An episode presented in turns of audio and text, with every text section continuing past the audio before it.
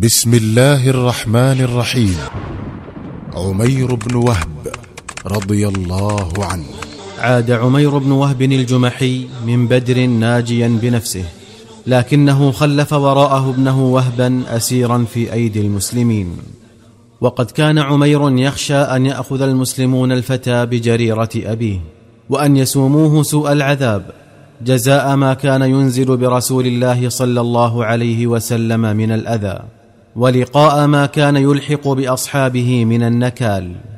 وفي ذات ضحى توجه عمير إلى المسجد للطواف بالكعبة والتبرك بأصنامها فوجد صفوان بن أمية جالسا إلى جانب الحجر فأقبل عليه وقال عم صباحا يا سيد قريش. فقال صفوان عم صباحا يا أبا وهب اجلس نتحدث ساعة فإنما يقطع الوقت بالحديث. فجلس عمير بإيزاء صفوان بن أمية وطفق الرجلان يتذاكران بدرا ومصابها العظيم ويعددان الاسرى الذين وقعوا في أيدي محمد وأصحابه ويتفجعان على عظماء قريش ممن قتلتهم سيوف المسلمين وغيبهم القليب في أعماقه. فتنهد صفوان بن أمية وقال ليس والله في العيش خير بعدهم فقال عمير صدقت والله. ثم سكت قليلا وقال ورب الكعبة لولا ديون علي ليس عندي ما أقضيها به وعيال أخشى عليهم الضياع من بعدي لمضيت إلى محمد وقتلته وحسمت أمره وكففت شره. ثم أتبع يقول بصوت خافت وإن في وجود ابني وهب لديهم ما يجعل ذهابي إلى يثرب امرا لا يثير الشبهات.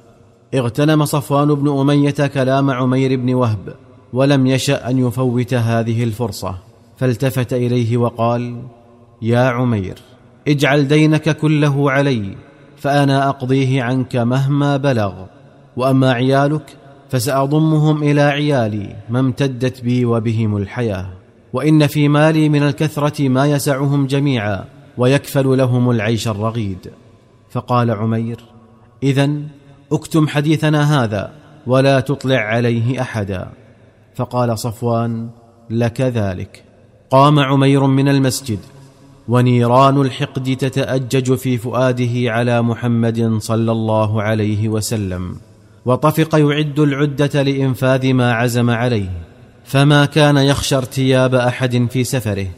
ذلك لأن ذوي الأسرى من القرشيين كانوا يترددون على يثرب سعيا وراء افتداء أسراهم. أمر عمير بن وهب بسيفه فشحذ وسقي سما ودعا براحلته فأعدت وقدمت له فامتطى متنها ويمم وجهه شطر المدينة وملء برديه الضغينة والشر. بلغ عمير المدينة ومضى نحو المسجد يريد رسول الله صلى الله عليه وسلم. فلما غدا قريبا من بابه أناخ راحلته ونزل عنها. كان عمر بن الخطاب رضي الله عنه إذ ذاك جالسا مع بعض الصحابة قريبا من باب المسجد يتذاكرون بدرا وما خلفته وراءها من أسرى قريش وقتلاهم ويستعيدون صور بطولات المسلمين من المهاجرين والأنصار ويذكرون ما أكرمهم الله به من النصر. وما أراهم في عدوهم من النكاية والخذلان. فحانت من عمر التفاتة فرأى عمير بن وهب ينزل عن راحلته ويمضي نحو المسجد متوشحا سيفه. فهب مذعورا وقال هذا الكلب عدو الله عمير بن وهب. والله ما جاء إلا لشر. لقد ألب المشركين علينا في مكة وكان عينا لهم علينا قبيل بدر. ثم قال لجلسائه امضوا إلى رسول الله وكونوا حوله واحذروا أن يغدر به هذا الخبيث الماكر.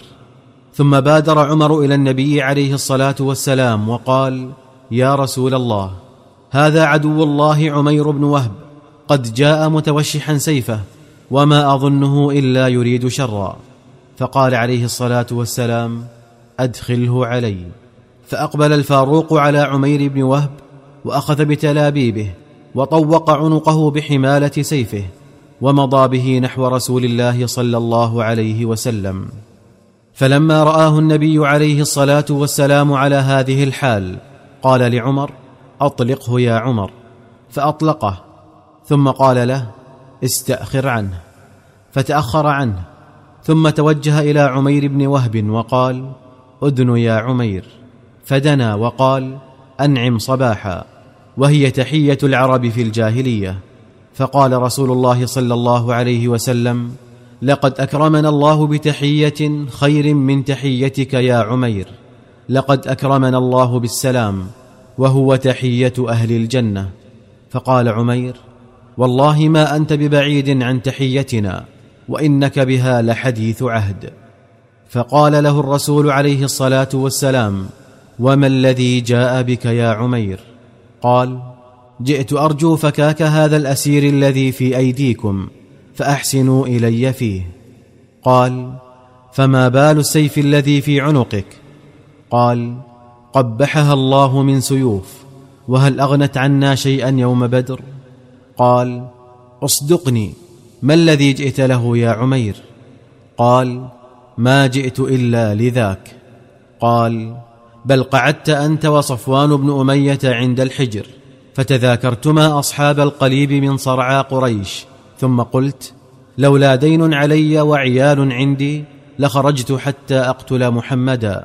فتحمل لك صفوان بن أمية دينك وعيالك على أن تقتلني. والله حائل بينك وبين ذلك. فذهل عمير لحظة ثم ما لبث أن قال أشهد أنك لرسول الله.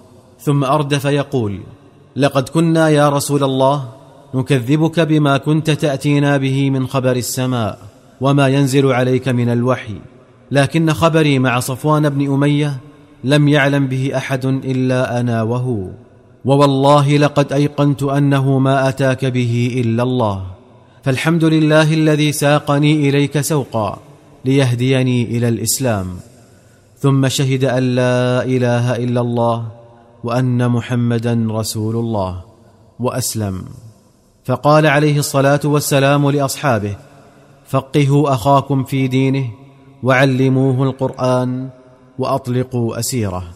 فرح المسلمون بإسلام عمير بن وهب أشد الفرح حتى إن عمر بن الخطاب رضي الله عنه قال لخنزير كان أحب إلي من عمير بن وهب حين قدم على رسول الله صلى الله عليه وسلم.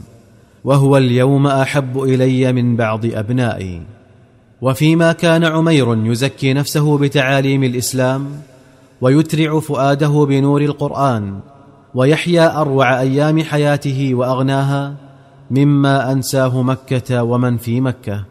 كان صفوان بن أمية يمني نفسه الاماني ويمر بأندية قريش فيقول أبشروا بنبأ عظيم يأتيكم قريبا. فينسيكم وقعة بدر. ثم إنه لما طال الانتظار على صفوان بن أمية أخذ القلق يتسرب إلى نفسه شيئا فشيئا حتى غدا يتقلب على أحر من الجمر. وطفق يسائل الركبان عن عمير بن وهب فلا يجد عند أحد جوابا يشفيه إلى أن جاءه راكب فقال إن عميرا قد أسلم. فنزل عليه الخبر نزول الصاعقة إذ كان يظن أن عمير بن وهب لا يسلم ولو أسلم جميع من على ظهر الأرض.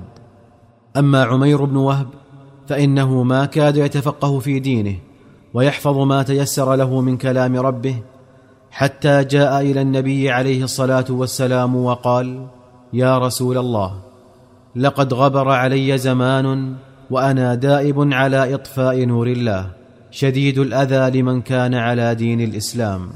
وأنا أحب أن تأذن لي بأن أقدم على مكة لأدعو قريشا إلى الله ورسوله. فإن قبلوا مني فنعم ما فعلوا. وإن أعرضوا عني آذيتهم في دينهم كما كنت أوذي أصحاب رسول الله صلى الله عليه وسلم. فأذن له الرسول عليه الصلاة والسلام فوافى مكة. وأتى بيت صفوان بن أمية وقال يا صفوان إنك لسيد من سادات مكة وعاقل من عقلاء قريش. أفترى أن هذا الذي أنتم عليه من عبادة الأحجار والذبح لها يصح في العقل أن يكون دينا؟ أما أنا فأشهد أن لا إله إلا الله وأن محمدا رسول الله. ثم طفق عمير يدعو إلى الله في مكة حتى أسلم على يديه خلق كثير. أجزل الله مثوبة عمير بن وهب ونور له في قبره. لقد غدا عمير بن وهب أحب إلي من بعض أبنائي عمر بن الخطاب.